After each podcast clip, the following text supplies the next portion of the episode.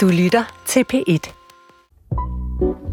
In order to be able to think, you have to risk being offensive. Du lytter til Manderegler. En radiolæseklub om verdens måske mest populære selvhjælpsbog for mænd. 12 regler for livet af Jordan B. Peterson. the most influential public intellectual in the Western world right now. En bog, der både har mødt vild begejstring, men også voldsom kritik. I think he's dangerous. Din vært er forfatter og journalist Anders Hård Rasmussen, der længe har været optaget af mandens rolle i dag. Han har inviteret Emma Holten, der er feministisk aktivist, til at være medvært. Med hjælp fra skiftende gæstelæsere skal de to nærstudere bogen og dens tanker og finde ud af, hvad de kan lære af bogen. Damn you, Jordan. Du fik mig til at gøre noget. Velkommen til tredje program af bogklubben Manderegler med Emma Holten og Anders Hår, der er lidt te på kanden her. Har du også fået noget, Emma? Jeg kan godt bruge lidt mere, faktisk. Ja, værsgo her. Vi er nået til kapitel 5, 6 og 7 i Jordan B. Petersons 12 regler for livet. Hvordan, øh, hvordan har det været? Jamen, det har, været, det har været sjovt. Der er noget med børneopdragelse, som, som jeg ikke ved en skid om. Jeg ved en masse om at være et barn, men jeg ved ikke så meget om at have et. Men det var på en måde også meget brugbart. Man tænkte sådan her, var det praktisk, at jeg blev opdraget, og sådan her ville, er jeg glad for, at jeg ikke blev opdraget. Øhm, Du har jo øh, til opgave at finde øh, et øh, sådan virkelig, hvor der er sat et stort fedt V-tegn ude i maven hver gang. Hvad, hvor har du sat dit øh, V-tegn nu? det har været nemt den her gang, for han, han siger faktisk noget, som jeg identificerer enormt stærkt med, som er, han nu læser jeg op her. Faktisk har vi flere negative følelser i forbindelse med et tab af en vis størrelse, end vi har positive følelser i forbindelse med noget godt, der sker os af samme kaliber. Smerte opleves voldsommere end nydelse og angst stærkere end håb. Det synes jeg er så rigtigt. Og jeg tror, det er et af de store problemer i menneskets natur, og en af grundene til, at vi øh, prioriterer og øh, bygges den, hvad skal man sige, vægge og walls mod Mexico, i stedet for at værdsætte de gode ting, der sker, at vi, at vores angst, øh, at når, når der er en, der, hvis man har lavet et eller andet, der er en dårlig kommentar på Instagram og tusind gode, så ligger man sådan med åbne øjne og tænker sådan, den der person synes virkelig, jeg er udulig. Altså, hvordan at, at negativitet på en eller anden måde bare kan æde positivitet som et monster. Altså, det, det tror jeg er et kæmpe problem, og jeg kæmper meget med, hvordan jeg kan, jeg kan evne og sådan omvende det inde i mig selv. Og det tror jeg virkelig har, har negative konsekvenser, både på sådan individniveau, men også kollektivt for os alle sammen, at frygten for det negative fylder meget mere end, end forventningens glæde ved det sjove. Jeg, jeg tror, jeg er begunstiget med sådan en uh, helt form for selekt, særlig selektiv hukommelse. Altså, jeg kan genkende det sådan i øjeblikket der. Men når jeg så kigger tilbage på mit liv, så, så, ved jeg ikke, så synes jeg bare altid, at det hele har været super fedt. Altså. Ej, hvor er jeg misundelig. Hvor er jeg misundelig. Jeg ligger hver nat og tænker på alle de forfærdelige ting, jeg har sagt og gjort. Så tænker jeg, åh oh, gud, der var den der gang i 8. klasse, hvor jeg bare simpelthen bare gjorde noget så pinligt. Og det kan jeg sagtens tænke på. Ja, børneopdragelse, og så skal vi snakke om at feje for din egen dør, inden du kritiserer verden, og så skal vi snakke om, hvad det vil sige at søge det meningsfulde, ikke det belejlige. Og til at hjælpe os har vi besøg af Iben Damgaard. Hej Iben. Hej. Så glad for, at du vil komme. Du er lektor på øh, Københavns Universitet, afdeling for systematisk teologi. Det lyder simpelthen så fedt, synes jeg. Og, I modsætning til den usystematiske. Ja, ja. Du, øh, du beskæftiger dig meget med øh, blandt andet Kirkegård og Nietzsche og sådan spørgsmålet om menneskets værdighed, og det kunne simpelthen ikke være mere spot on i forhold til, hvad Jordan B. Petersons bog er fuld af. Nietzsche og menneskets værdighed er der i hvert fald rigtig meget af i de her kapitler.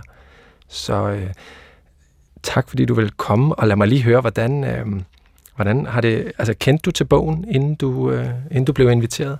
Nej, det gjorde jeg faktisk ikke, så det er nyt bekendtskab øh, at læse om. Men Ej. det var interessant, ja. Det, er- det er så godt. Du går, går helt sådan fordomsfri ind til det. Sådan skal det være. Lad os bare kaste os ud i regel nummer 5. Sørg for, at dine børn er til at holde ud. Lad mig give jer et resume her. Spørgsmålet fra Petersen det er, hvordan vi ruster vores børn til at blive kompetente samfundsborgere.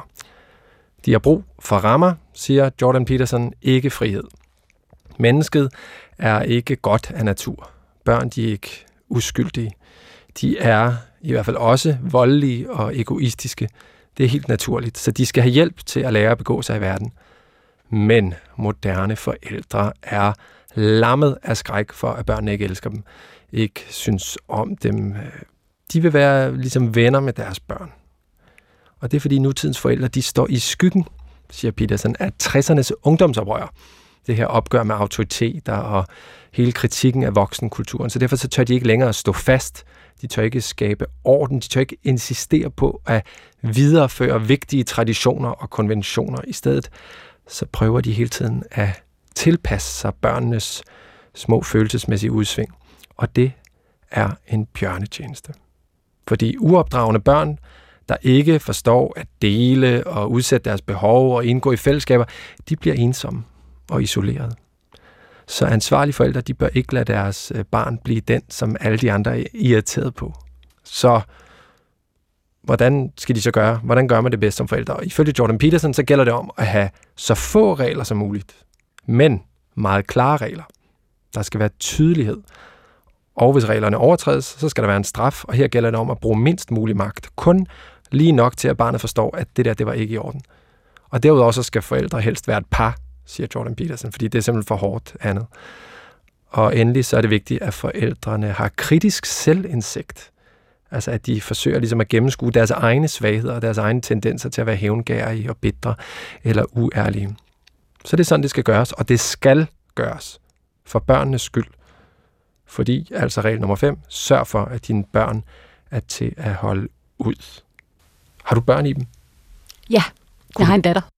Man kan sige helt grundlæggende, den der regel om at sørge for, at ens børn er til at holde ud, der kan man sige, den er jo sådan meget øh, oplagt. Altså, hvem vil hævde det modsatte? Mm. At forældres pligt dybest set er at sørge for, at børnene er, ja. ikke er til at holde ud. Ja. Så på den måde er der noget lidt indlysende i det. At ja, selvfølgelig jo. skal man jo som forældre gøre sig umage for det. Så tager han jo udgangspunkt i det der med, at øh, det hele flyder, og moderne forældre og det er jo så åbenbart lang tid tilbage, det strækker sig over, det er ikke kun lige nu, men øh, længere tilbage ikke rigtig magter det der med at sætte rammer. Jeg vil faktisk gerne stille et, et spørgsmål. Ja.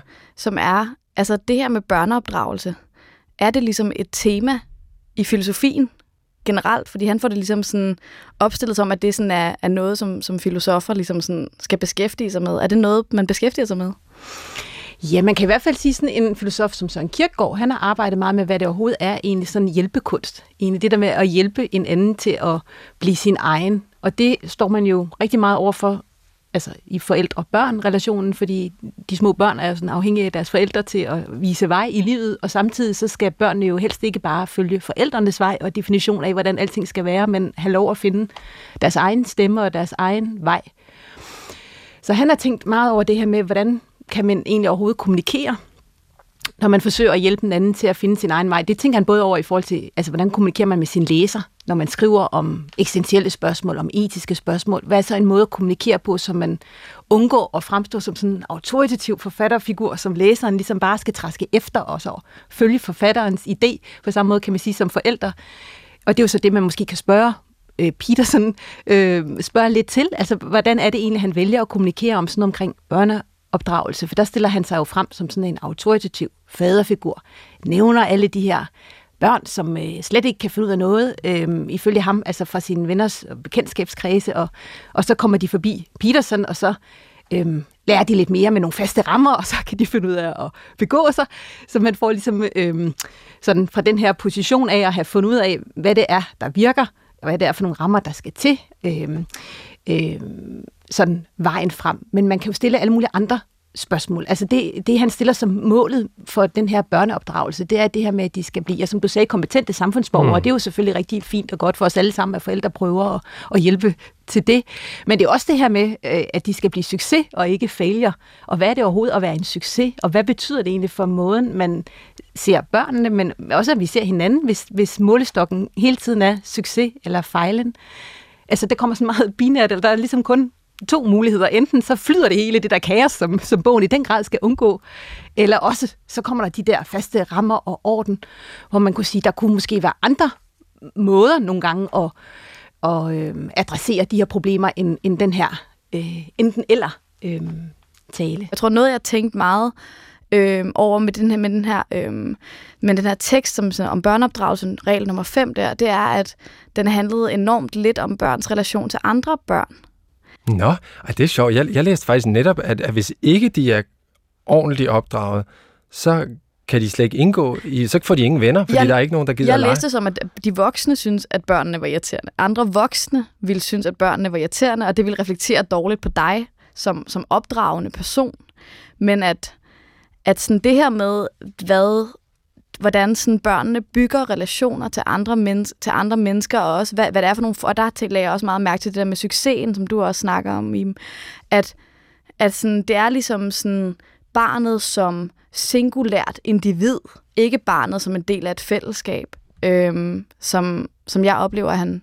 Men det er sjovt, vi læser begge to. Vi, det, det er tit, vi får det omvendte ud af de her Ja. tekster. Jeg synes egentlig, at han har begge dele med. For jeg synes både, han har det der med succes og alle de der eksempler på hans egne børn, som andre kiggede anerkendende på, Ja. ja. fordi de var så godt opdragende.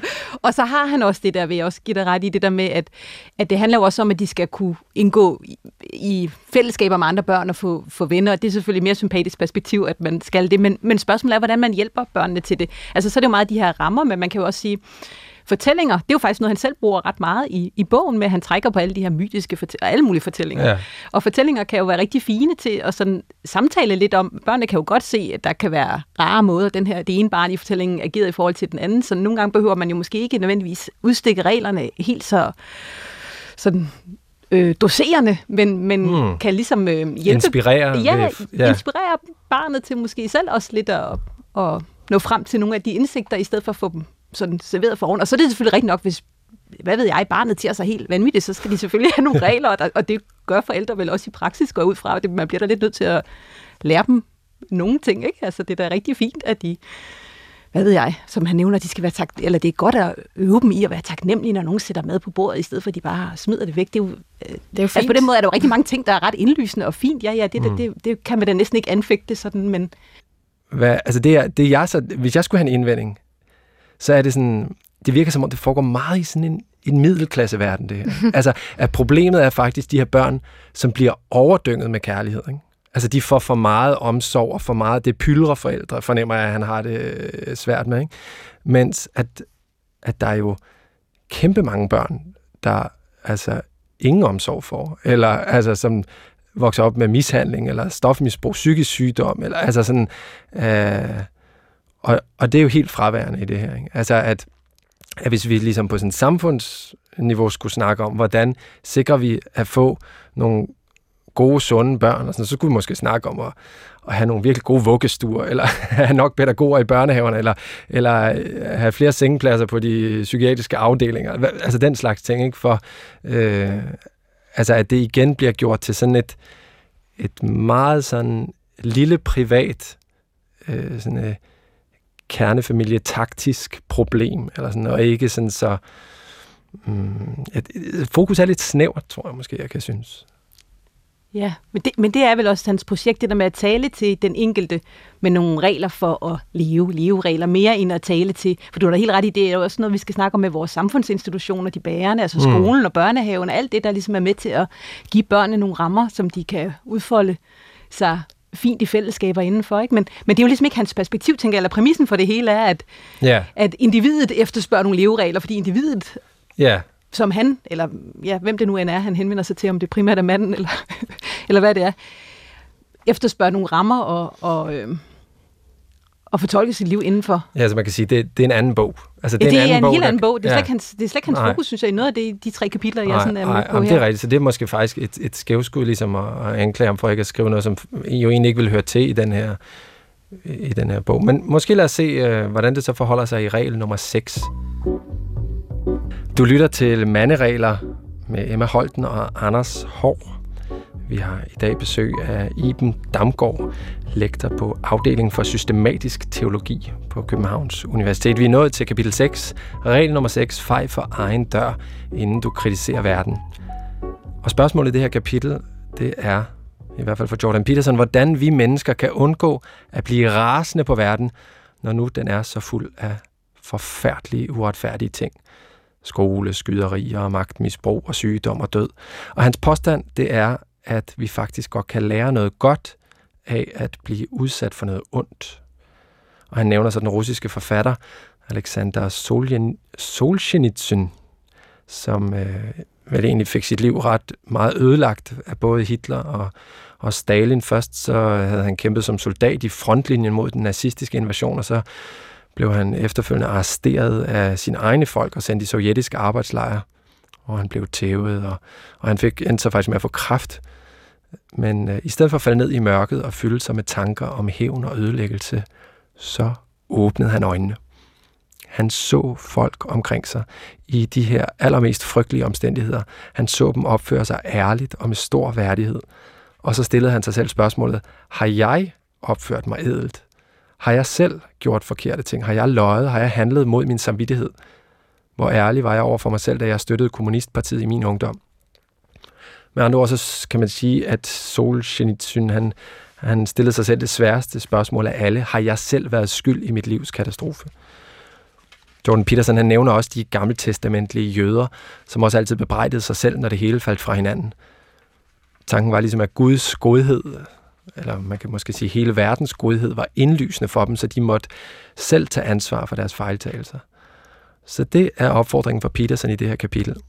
Lad være med at skyde skylden på kapitalismen, eller på de venstreorienterede, eller på dine modstandere. Lad være med at omorganisere staten, før du har ryddet op i dine egne erfaringer. Vær lidt ydmyg, fej for din egen dør, inden du kritiserer verden. Er det noget, du øh, efterlever i den? det tror jeg slet ikke, jeg vil komme ind på. Men det ville være rigtig fint, hvis jeg gjorde det. Ja. Og det ville være fint, hvis vi alle sammen gjorde det. Så det, ja. her har han da virkelig en pointe. Det er så heller ikke en pointe, han bare har, kan man sige. Det er en pointe, der ligesom findes jo op igennem hele traditionen. Ja.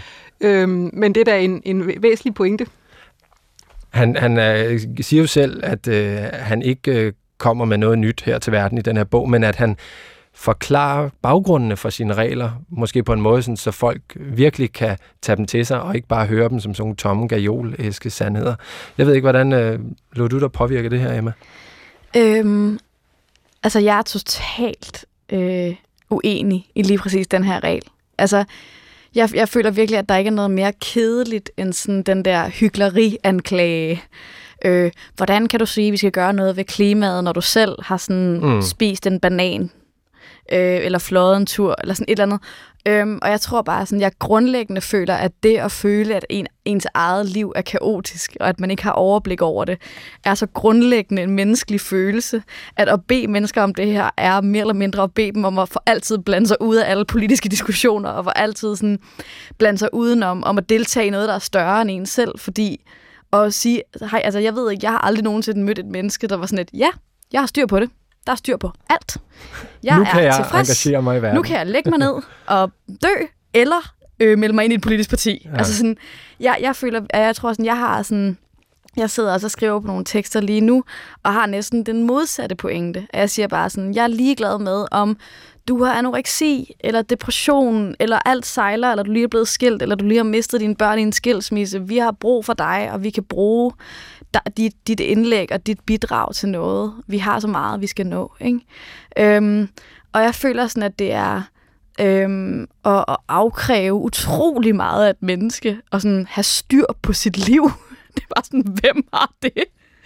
altså, ja. Hvis jeg skulle... Øhm hvis jeg skulle læse det et sted hen, hvor det sådan resonerede i mig, så, så, øh, så kommer jeg sådan til at tænke på en samtale, jeg havde, og det her det bliver meget eksotisk. Jeg var på sådan et øh, ayurvedisk øh, refugium på et bjerg i Indien, hvor jeg snakkede med en buddhistisk munk, og øh, vi snakkede om at meditere fordi jeg havde det mega svært med meditation og med den rolle, det ligesom spillede i Vesten, og jeg så det som sådan virkelig sådan en selvoptaget øh, storby middelklasse adfærd, som øh, var alt det, jeg ikke gad at være. Hvorfor ikke hellere engagere sig i verden og gøre en forskel og sikre, at vi havde nogle gode skoler og solide andelsforeninger, bla bla bla.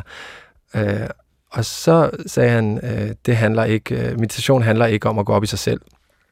Øh, det handler faktisk om at, at glemme sig selv, sådan så man mere ægte kan gå op i verden. Det er ikke en ren parallel til det her kapitel, vel? men jeg kan godt se det der med, at der kan være noget arbejde at gøre i en selv, som udgangspunkt for at lave noget endnu stærkere arbejde ude i verden, i stedet for ligesom at måske tage sit eget junk med ud i sit øh, verdensvendte øh, arbejde. Jeg tænker, det var en rigtig fin pointe i det der med, altså i begge dele, I siger egentlig, ikke? men i det der med, at, at, øh, at man selvfølgelig skal kunne gå ud kritisk i verden, og selvom man ikke har orden i sit eget, for det er der ingen mennesker, der nogensinde har, så der har der selvfølgelig en rigtig vigtig pointe i det. Men tænk, jeg læste det helt anderledes. Jeg læste ikke som om, at man skal have fuldstændig orden, før man ligesom må, hvad ved jeg, aktivere for klimaet, eller lave aktivisme for klimaet, eller noget andet. Jeg tænkte mere i forhold til moralsk fordømmelse. Altså når han siger det der med ydmyghed, at der er så meget moralsk fordømmelse af den ene og den anden, og så er det jo meget godt at kaste blikket på sig selv. Altså en, mm. han, han, tager det der, han er meget vild med hele tiden at tage Kain og Abel, altså historien, det der historien om brodermor, men... Ja, hvordan er det, han bruger det? Kan du beskrive det? Øh, jamen, det vil jeg gerne, men, men jeg vil lige først tage en historie, som jeg egentlig synes har været meget mere oplagt at tage egentlig, i det her kapitel, fordi når det handler så meget om det her med altså moralsk ydmyghed i forhold til hele tiden at fordømme alle andre for, hvordan de lever, og lige overveje øh, ens egen øh, indstilling, som jo ligesom er sådan en kritik af ens egen moralske normer og fordomme, som man nogle gange kan være hurtig til at bruge til at dømme alle andre, men man jo måske skulle vende lidt øh, mod sig selv.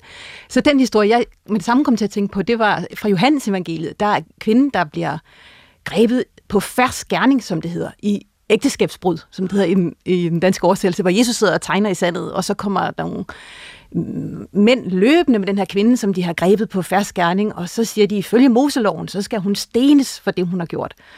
Øhm, og så er det, Jesus siger det der med, jamen den, der øh, aldrig har gjort noget galt, mm. kan jo kaste den første sten. Og så kigger han ellers ned, og så en efter en. Den ældste først står der. lister de væk, så man kan da håbe på, at man bliver lidt klogere med alderen. Mm. De lister væk, og så er der pludselig ikke nogen tilbage. Og, så, øhm, og den er jo på en eller anden måde en, en historie, der er ret god til det, fordi de er så ivrige, fordi det står jo i loven, og vi ved alle sammen, vores norm er det her, det er det. Det er sådan, straffen er, og det er sådan, vores normer er uden egentlig at forvente den om. Så den ville måske egentlig have været mere oplagt, end at tage Kain og Abel. Jeg ved, at han, han bruger den Kain og Abel-fortællingen hele tiden, øhm, men her bruger han den til det her med, at mennesket dybest set øh, jo hele tiden er, han bruger det vel til det her med jalousi, eller sådan, ikke? Altså den her vrede, øh, og alt det der uretfærdigt. Det er jo grundlæggende uretfærdigt. Hvorfor søren vil han da ikke tage imod Kains offer? Det, han er jo går jo der og har gjort sit bedste, øh, ligesom den anden, og der er ikke rigtig nogen forklaring. Historien giver ikke nogen forklaring. Petersen folder sig godt ud. Han, han lægger ligesom lidt ekstra til, man kommer med nogle forklaringer til, hvad det var, Kai måske kunne gå rundt og være så jalousi på, eller jaloux på. Så han bruger den vel egentlig til, at, at i den der situation, hvad kan man, hvor kan man vende sin vrede hen? Så vender man den mod verden, eller gør man som Kai med, med mordet? Han starter jo med alle de her frygtelige eksempler på skoleskyderier. Alle de her vrede unge mænd, som, som på en eller anden måde sådan nogle moderne Kain-figurer. Og så kommer han så i løbet af kapitlet til Solzhenitsyn, at der er andre måder at at tage verdens uretfærdigheder på. Er det ikke sådan, han bruger, øh, bruger den sådan opbyggeligt jo. på sin egen Peterson-måde? Ja. Men det er så sjovt, fordi jeg tror bare sådan, at jeg har svært ved at, at forlige hans eksempler, særligt med Solzhenitsyn, og, øh, og så hans pointe. Fordi at vi ved jo ærligt talt ikke, om Solzhenitsyn havde styr på en skid. Altså jeg går ud fra, at han har været et ret traumatiseret menneske, øh, som har haft nogle, nogle redselsfulde oplevelser i, i, øh, med krig og død og ødelæggelse, men præcis har, har evnet at have, tage de her traumatiske oplevelser og vende dem til, til hvad Peterson oplever, oplever som noget produktivt, øh, politisk eller kulturelt, eller hvad man skal sige. Og det synes jeg næsten præcis er det modsatte af, hvad han siger. At han har meget det der med, at der skal skulle være ryddet op, og jeg kan forestille mig, eller det, som jeg frygter, man kan læse ud af det, eller tænker, man kan læse ud af det, det er, at hver eneste person, som kommer med en kritik af samfundet, som ikke har styr på alt, den kan man bare skyde ned ved at sige, hvorfor fanden skal du komme og lære os om lovgivning? Du er lige blevet skilt, du kan ikke engang holde styr på et ægteskab, ligesom, du kan ikke engang holde styr på dit eget hus. At det ligesom bliver sådan den der øh, måde at, hvad skal man sige, afvise mennesker, eller deres kritik, eller deres perspektiv, ved at det kun får lov til at være de her mennesker, som, som han kalder det, som har opnået perfektion, eller stræbet efter himmeri, eller de her begreber, han bruger. Øhm, at det bliver en måde at, at lukke ned fra, fra, for, for kritik. Øh, det tror jeg vil være min sådan... Men det, jeg læser det måske også, som fanden læser Bibelen. Jeg tænker, at ingen vil er i den position, at man kan tale med ryggen fri. Det føler han så, han kan. Eller jeg ved ikke, hvad han, han føler. Jeg, jeg, jeg ved ikke, hvad han føler, men han taler, som om han kunne tillade sig at tale med ryggen fri. Altså, det, det jeg egentlig er mest stus over, når jeg kommer som ny læser til Peterson, det er simpelthen den autoritet, han mener sig selv have. Til, ja, ret til at tale med. Fordi jeg tror ikke, jeg tager det så, øh, som så voldsomt angreb som dig, fordi jeg tænker, det er jo vores, os alle sammen, der er i den position, at ingen nogensinde har ryggen fri. Øh, og der er også en befrielse i at se, at ingen af os har det. Øh, og så, så, så, altså, men, men det er klart, at han underminerer jo den pointe ved sig selv at tale som den, der kan øh, sidder med sandheden og, og altid fikser alt det, øh, alle andre ikke kan finde ud af i deres liv. Og det er et lidt en problematisk sted at tale fra, eller det kunne man i hvert fald godt anfægte ja, lidt. Ja, jeg tror helt klart, at han føler, at der er de her, som vi også snakkede om i kapitel 5, de her successes og failures, ikke? Og en succesful person kan ligesom, som han siger, hvis man opnår den her succes, og man, og man ligesom sådan er i stand til det, så kan man... Øhm, øh, du vil, hvad hedder det, måske vil du opleve, at din nu så meget mindre korrumperede sjæl øh, Øh, er i stand til at bære de nødvendige og uundgåelige tragedier. Måske vil du endda lære at påtale dem, så de vedbliver at være tragedier, i stedet for at degenerere til rene helveder. Måske vil din angst og håbløshed og fortørnelsethed, fortørnelse og vrede, uanset hvor frygteligt det hele er til at begynde med, fortone sig osv. osv. Så jeg tror helt klart, at han mener, at den her eksalterede tilstand af, af opbrydet liv, er, er opnåelig for nogle mennesker. Og jeg tror, det er der, det bliver sådan, der bliver det meget hierarkisk for mig. At der er ligesom nogen, som opnår den her ro, indre ro øh, og balance, som skal have lov til at sige, at de mennesker, som ikke har opnået det, som lever uperfekte liv, som er failure, som er alkoholikere, som er alle de her eksempler, han bruger på de her failure-mennesker, de må fandme ikke sige et ord, for de har ikke engang styr på sit eget hus. Ikke? Øhm, men jeg føler meget, at sådan, jeg, jeg er interesseret i om, fordi han snakker også meget om det her med, at livet er lidelse. Altså, at, at livet altid vil være lidelse. Øhm, og, og jeg er interesseret i, om det sådan er, er det en kristen ting? Er det en konservativ ting? Er, er, I kristendommen er livet, er livet bare ren lidelse i dem? Øhm, nej, man kan sige, lidelse er jo et af grundvilkårene. Altså, der er jo, vi skal jo for eksempel dø, og der er jo smerte og sorg og tab og sygdom og altså på alle mulige måder øh, lidelse indbygget i grundvilkårene. På den måde, så kan man sige, så er der ud over det, altså den lidelse, som vi så også tilføjer hinanden. Øhm, men at sige, at livet bare er lidelse, øh, det, det, øh, det, det, øh, man kunne lige så godt sige, at livet rummer lidelse, men det rummer også kærlighed og glæde og håb. Så, så øh, og ligesom lukke det med lidelsen som, som afsæt, det, øh, der kan man bestemt tale for, for andre det, øh, det er hans eget afsæt. Ja, han, han starter, men det er så, der kommer jeg så til at springe hen i kapitel 7. Ja, men måske skal vi bruge ja. det som anledning ja, til at øh, slå kapitel 7 an. Du lytter til Manderegler, en radiobogklub, hvor jeg, Anders Hård og Emma Holten, sammen med forskellige gæster, læser os igennem Jordan B. Petersons enormt populære selvhjælpsbog 12 regler for livet. Vi har besøg i dag af Iben Damgaard fra Københavns Universitets afdeling for systematisk teologi. Vi er nået til kapitel 7, regel nummer 7. Søg det meningsfulde, ikke det belejlige. Og her skal vi høre lidt om lidelse blandt andet, Emma. Fordi uh, Peterson han spørger, hvorfor man ikke bare skal tage alt, hvad man kan få, hver gang der viser sig en mulighed. Og så går han ellers i gang med at forklare værdien af behovsudsættelse. At det faktisk er sådan et grundelement øh, af alle menneskelige samfund. Altså, jeg deler lidt af mit bytte med dig, som ikke har noget, fordi så kan det være, at du deler noget med mig en anden dag, når jeg ikke har noget. Så der er ligesom den her sammenhæng mellem, hvad vi gør i dag, og hvad der så sker i morgen. Fremtiden bliver noget, man sådan kan forhandle med. Og øh, det viser sig også, øh, måske især religiøst, gennem offringer, forklarer Peterson, fordi offringer er en form for behovsudsættelse. Det er en form for arbejde, som man gør for fremtiden. Og det er det, der adskiller de succesfulde fra taberne. Der har vi dem igen. De succesfulde, de offrer, og de udsætter deres behov. Så det er altså grunden til, at man ikke skal søge det belejlige. Man skal søge det meningsfulde, siger Peterson. Men hvad er så det meningsfulde? Fordi er det ikke subjektivt? Nej, ikke kun. Der er noget, der er indiskutabelt. Det har han let længe efter Petersen, men han har fundet det. For eksempel så siger han, at der ikke er nogen tvivl om, at lidelse og ondskab eksisterer. Det kan selv ikke nihilister eller dekonstruktivister benægte. Lidelse, det er en virkelig ting. Så hvis den værste synd er at pine andre og få dem til at lide, så må det meningsfulde her i livet være det modsatte. At handle på en måde, der lindrer unødig smerte og lidelse. Så det bør stå øverst i dit værdihierarki. Sådan arbejder du på at skabe Guds rige på jorden, siger Peterson. Eller for at give et lidt længere citat her mod slutningen af kapitlet. Når du har placeret gør verden bedre øverst i dit værdihierarki, og tager dig af dine opgaver, så oplever du måske, at meningen med det hele vokser og udvides. Det er ikke fryd, det er ikke lykke, det er en slags gæld, du skylder for det vanvittige og grusomme mirakel, der udgør din eksistens. Det er sådan, du mindes holocaust, det er sådan, du forsøger at helbrede den syge verdenshistorie. Det er sådan, du påtager dig ansvaret for at have været en mulig tilflytter til helvede. Det er din villighed til at tjene som en engel i paradis. Så altså regel nummer syv, søg det meningsfulde, ikke det belejlige. Det er store ord, han finder frem her, ikke? Ja, altså, øh, jeg, jeg ved dårligt, hvor man skal sådan åbne, men vi, vi har jo i hvert fald den her lidelsessnak, vi Ja. havde før, ikke? Altså, Åbningssætningen ja, altså, er jo, livet er lidelse. livet er Punktum. lidelse. Ja, Mm. Jo, altså, nu prøver jeg jo at læse det så venligt, ligesom med Ja, det sidste kapitel, ja. så, så kunne man jo netop læse det som sådan. Altså, han tager jo mod slutningen af kapitlet, kapitlet netop øh, afsæt i det der med, jamen, hvordan kan man overhovedet i det 20. århundrede, altså efter Auschwitz, altså tale om værdier, hvad, hvad landede ikke i de der massegrave, Øh, han siger, hvor, hvad, kan jeg overhovedet finde på noget, som, som jeg ikke kan tvivle på? Altså, kan jeg finde på et eller andet Mm. værdi, som jeg kan stå på? Han leder jo hele tiden efter noget fast at stå på i, i, øhm, i hans univers, og så er, når han så frem til det her med, at lidelse er, er det, der skal undgås. Det er sådan et opgør, han har med værdirelativisme eller postmodernisme, eller sådan, ikke? At alt kan være noget andet, eller alt kan være lige godt.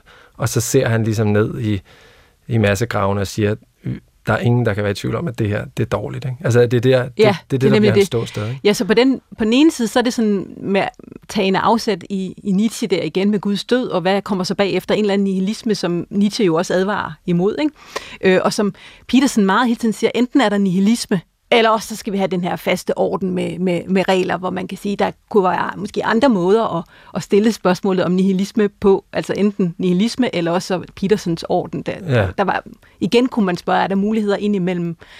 Øhm, Hvad, hvad, hvad, hvad kunne det være? Øh, ja, altså man kan sige, det her med, at der ikke gives en fælles øh, Sandhed, med- Ja, en ja. fælles sandhed, som vi så alle sammen kan stå på som sådan et fast fundament.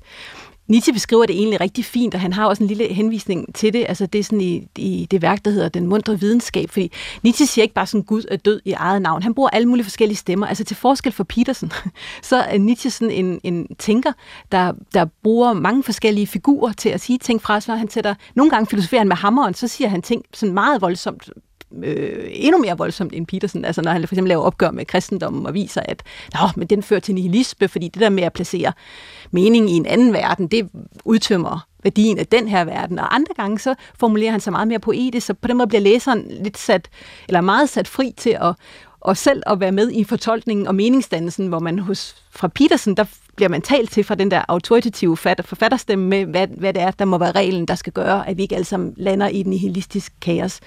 Men han lader, Nietzsche lader sådan det skøre menneske komme løbende ind på, på torvet, der er, hvor ateisterne er forsamlet og sige, jeg kan ikke finde Gud, jeg leder, Gud, jeg leder efter Gud, men vi har slået ham ihjel. Og er der så overhovedet et oppe eller nede, eller, eller vælter vi bare rundt i et, i et tomt... Øh, i et tomt verdensrum, altså meningsløst verdensrum. Hvordan skal vi overhovedet finde en mening nu? Og så lige inden det, der har han sådan en, en fin lille aforisme, det sådan, han skriver i aforistisk form, hvor man netop ikke får bombastiske leveregler, man får små poetiske glimt, som man så som læser selv bliver presset ud i at få formuleret en mening med. Og det er der jo også en øvelse i. altså ikke at få meningen og levereglen serveret, men, men at få de her billeder, der skal giver sådan et vist spillerum til fortolkning og til også til misforståelse, men, men netop for at sætte læseren fri i det der fortolkningsarbejde. Lige inden den her aforisme med det skøre menneske, der kommer løbende ind på torvet til ateisterne, som står og griner af ham, for vi ved da alle sammen, at der ikke findes nogen Gud. Men det der med, at det er, tab, det er en tabserfaring, det der med, hvad gør vi så, hvis vi ikke har værdierne? Det, det får Nietzsche diagnostiseret så fint med det skøre menneske. Og inden da, der har han sådan lidt med, før stod vi på landjorden, der havde vi sikker grund, der havde vi det her Gud og universalperspektiver, systemer, der, der som altså, alt det Peterson egentlig jo gerne vil have.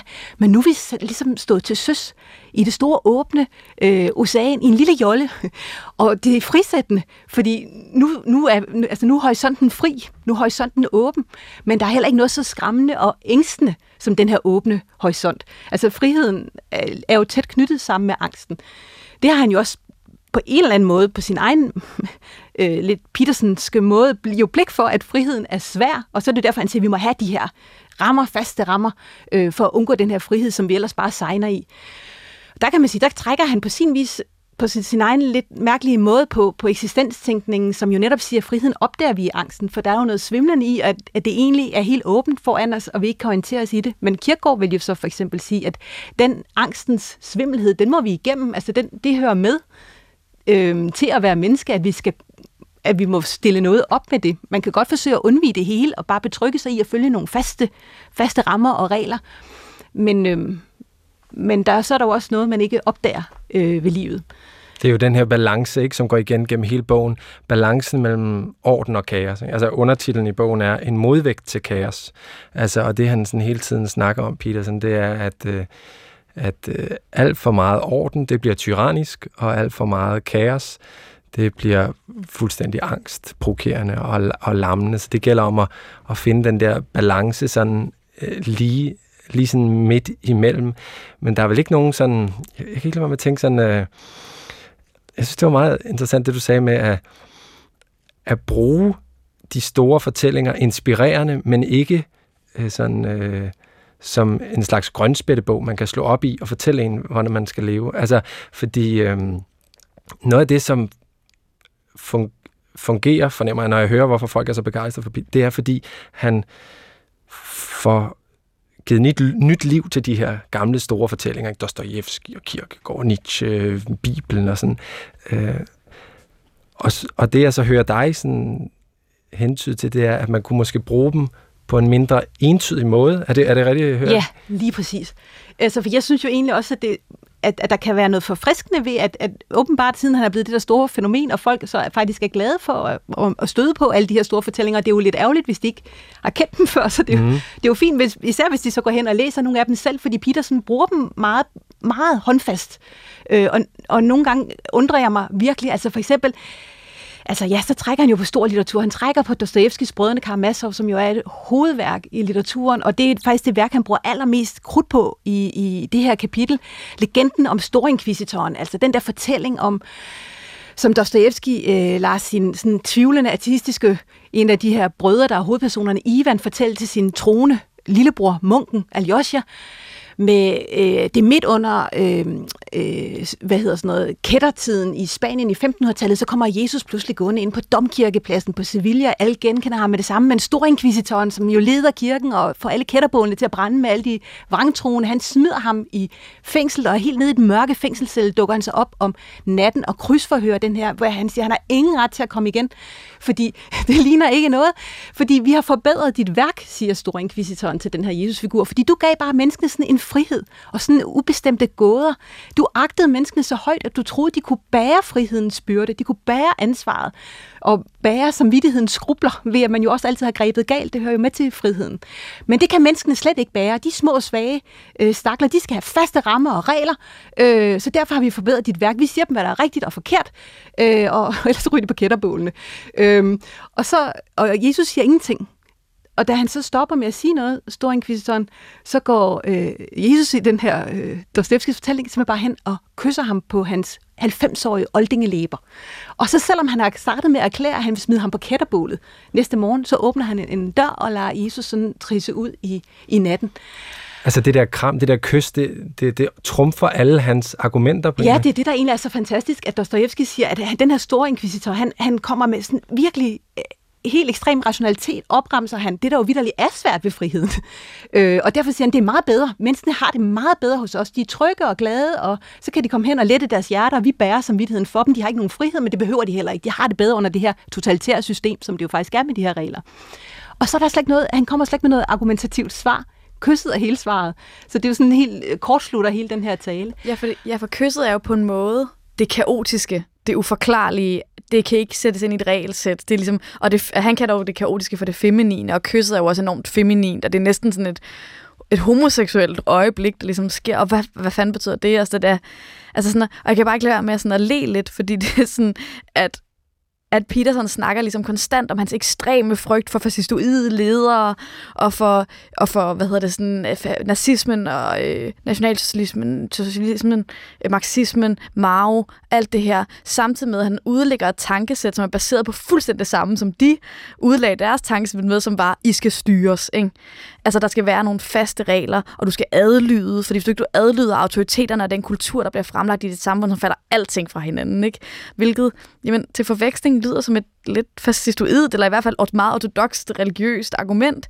Ligesom bare sådan, det er værst for jer selv, hvis ikke I følger reglerne. bare gøre det og ikke stille nogen spørgsmål. Ryd op hjemme hos dig selv og ikke spørg den store leder, fordi han ved meget bedre end du, hvad succes og fejltagelse er. Men hvordan skal vi så forstå den her anekdote? Fordi den, den går jo netop ind faktisk til den lidt øh, diktatoriske leder Det er det, det, det, jeg ikke forstår. Jamen, det var det, altså, ja, men det var det, jeg synes, der var så... Altså, jeg tænkte, det er jo vildt, at han bruger øh, Dostojevskis legenden om Storinkvisitoren, fordi det vilde var, han, han refererer den nogenlunde rigtigt, men alligevel ikke helt, fordi han udlader det med, med friheden. Altså, Storinkvisitorens hovedpointe, det er det her med, du gav dem en frihed, øh, som de slet ikke kan magte. Det var forkert. Du gav dem kun det her gådefulde åbne, men de har brug for faste regler.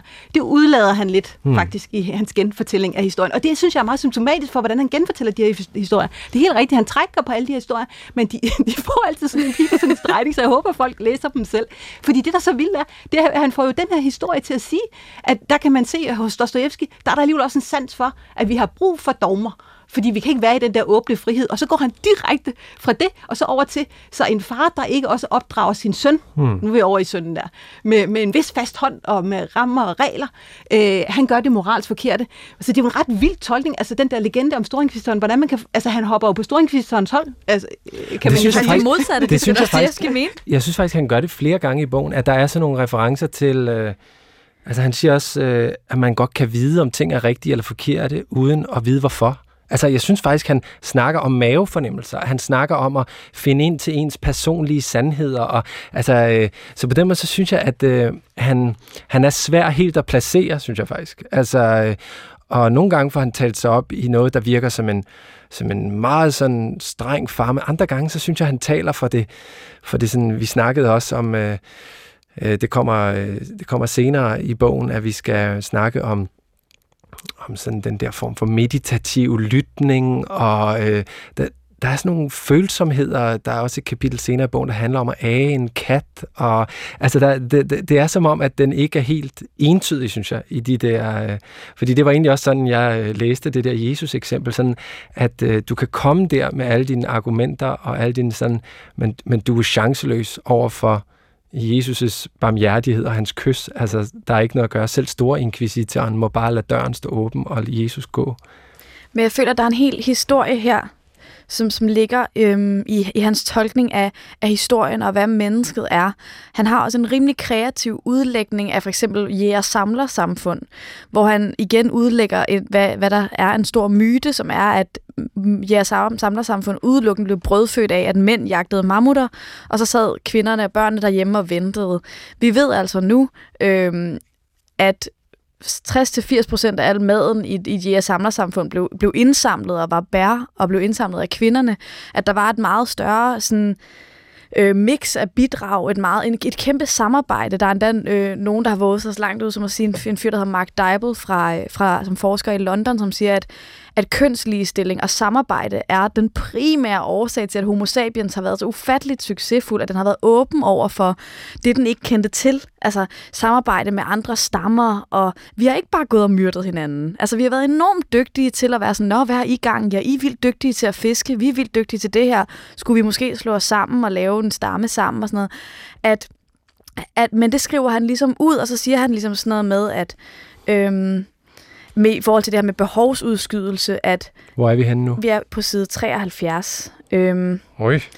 Øhm, det, var, det var meget svært for os at indse, altså for menneskeheden, at der kunne være noget god fornuft i at udskyde diverse fornøjelse, fornøjelser. Det går imod alt, hvad vores elgamle grundlæggende dyriske instinkter opfordrer os til at søge, nemlig øjeblikkelig tilfredsstillelse. Og enhver person, som har læst historien som handlende om noget andet end mænd, der jager dyr og spiser kød, vil vide, at øh, behovsudskydelse, for eksempel for mødre, øhm, i det at opdrage sine børn og fodre sine børn, det at ikke selv spise, for at dit barn kan spise, er jo for eksempel en, en kerne i, i, op, i opdragelse på de her tidspunkter i verdenshistorien. Ikke? At det er sådan, at hele og jeg kan ikke lade være med at tænke, at der er en eller anden form for sådan dybliggende øh, opprioritering af, af det maskuline og det voldsomme og det voldelige i mennesket på bekostning af den menneskelige histories omsorg, det kaotiske, kysset fra Jesus, de her ting, som ikke er til at forklare, at, at det bliver simpelthen skrevet ud, som om det aldrig er sket. Øhm, og, og det synes jeg er det, det svækker simpelthen hans, hans teser enormt meget. Øhm, fordi man kan jo mærke, at som du siger, Anders, at han har det her omsorgsfulde. Pludselig dukker det op et eller andet sted i teksten, at, at, øhm, at der er for eksempel et sted, hvor han siger, at, at, at, at mennesker gør gode ting hele tiden, hjælper hinanden, og der er en person på dit arbejde, som er handicappet, og du hjælper dem med at komme op ad trappen, og alle sådan nogle der ting. Øhm, og, øh, men samtidig så er han ikke fuldt ud i stand til at, at indskrive det som en del af menneskeheden, og være omsorgsfuld.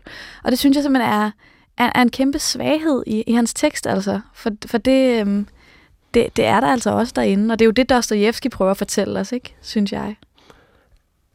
Det, er måske, det bringer måske spørgsmålet op. Altså et spørgsmål, jeg sidder og tænker på, det er, hvor, hvor er næstekærligheden i den her bog? Øh, fordi det er egentlig lidt sjovt øh, i betragtning af, hvor, hvor mange bibelreferencer der er, at næstekærligheden ikke spiller så stor en, en rolle. Øh, jeg ved ikke, om, om du øh, stussede over noget lignende i dem? Eller? Jo, jo, jo, det gjorde jeg. Øh, og det, så det nu siger jeg egentlig noget til jer begge to, fordi det er netop det her med, ja, hvad er det egentlig for et menneskesyn, der præger det? Det der med, at, at det kun er det onde, men, men man kan sige, hvis det er, at man vil trække så meget på kristendommen, som han jo på en eller anden måde alligevel også prætenderer at gøre, så er der jo også en tanke om at være skabt godt. Så kan det godt være, at vi gør alt muligt med det, der egentlig var skabt godt i grunden, øh, og falder og snubler på øh, ja, livet igennem.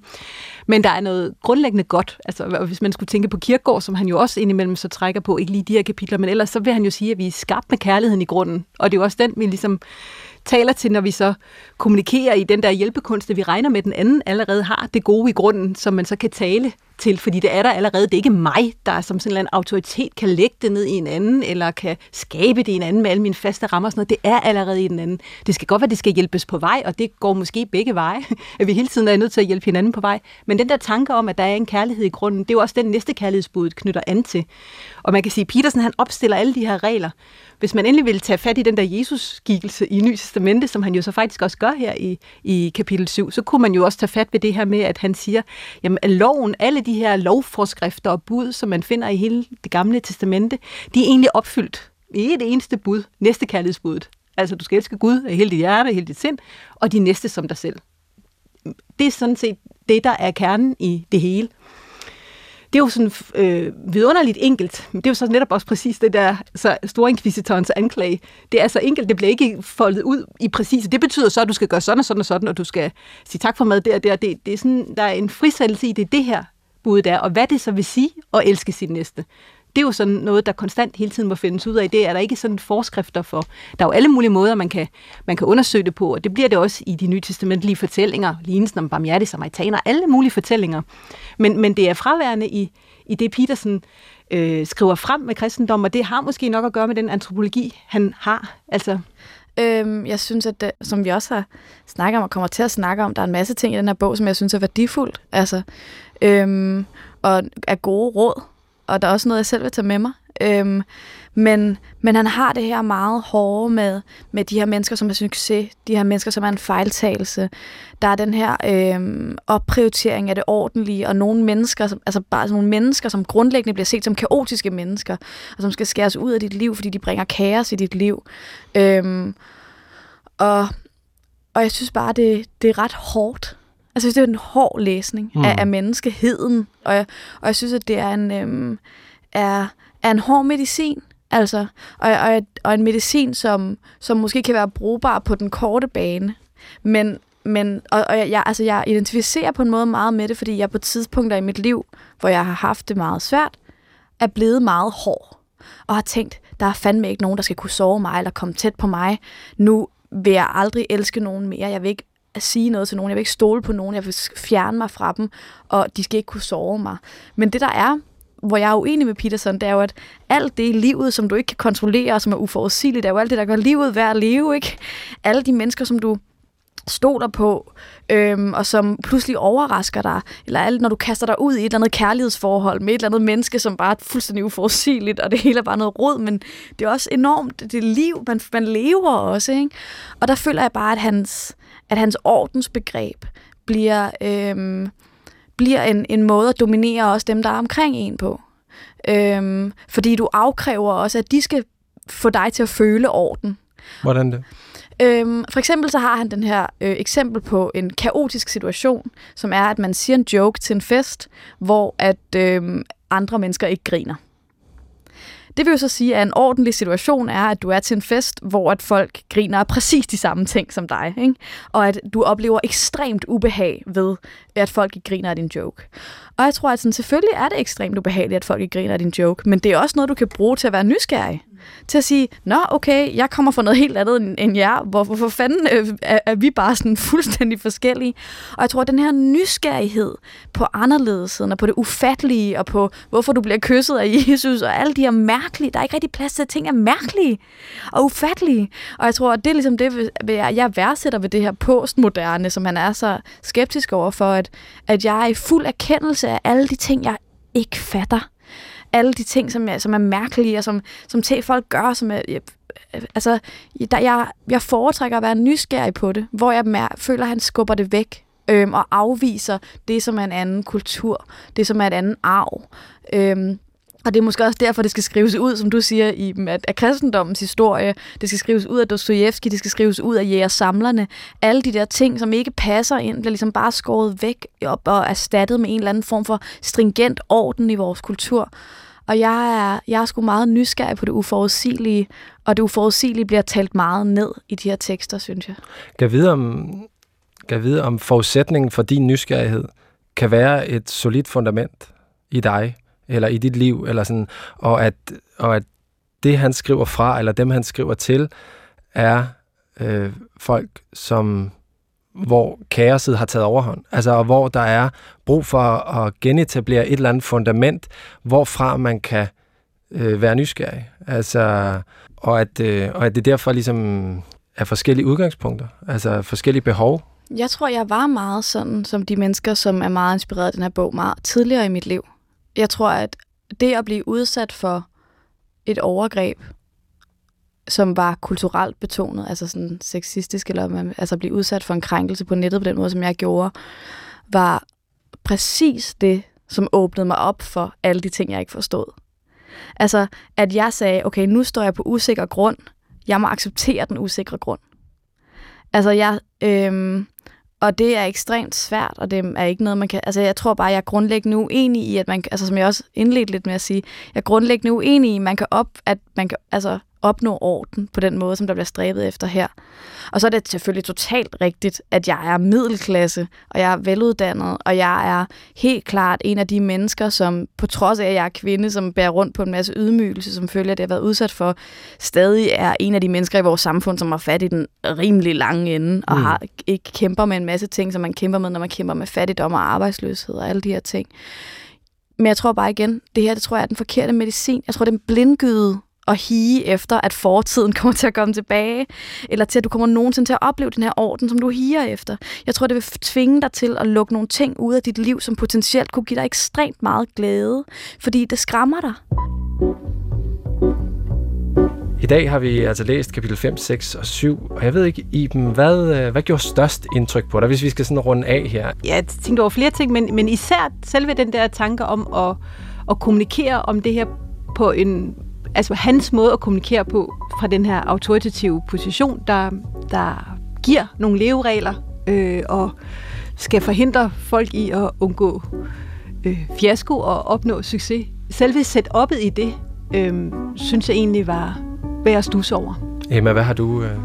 Jeg tror, at vi da alle sammen godt kan sådan identificere det der med at ville gøre det hurtige og det nemme, den nemme løsning, øh, i stedet for at, at og tænke os lidt om og sige, hvordan kan jeg, hvad, hvad, vil være det, hvad vil være det svære, men det rigtige at gøre, eller det varige at gøre. Øhm, det tror jeg, der er en, er en udfordring for alle mennesker, som vi alle sammen kan blive bedre til. Øhm, for eksempel har jeg en ufattelig evne til at købe blandt selv slik, selvom jeg ved, at jeg aldrig kan sove bagefter. Og alligevel gør jeg det. Det er, det er utroligt. Øhm, så, bare, så blot i det lille, men også i det store så tror jeg, at der vil det meningsfulde frem for det belejlige. Det, det skal vi da, ja, det skal man arbejde med, indtil man dør, tror jeg. Det er smukke ord at slutte af med. Jeg vil sige uh, tusind tak, fordi du kom, Iben. Kæmpe Selv tak. tak. Selv tak. Iben Damgaard, altså lektor på Københavns Universitet, afdeling for systematisk teologi. Emma og mig er tilbage i næste program, hvor det altså skal handle om sandheden, om at være præcis og om og lytte på den helt rigtige måde.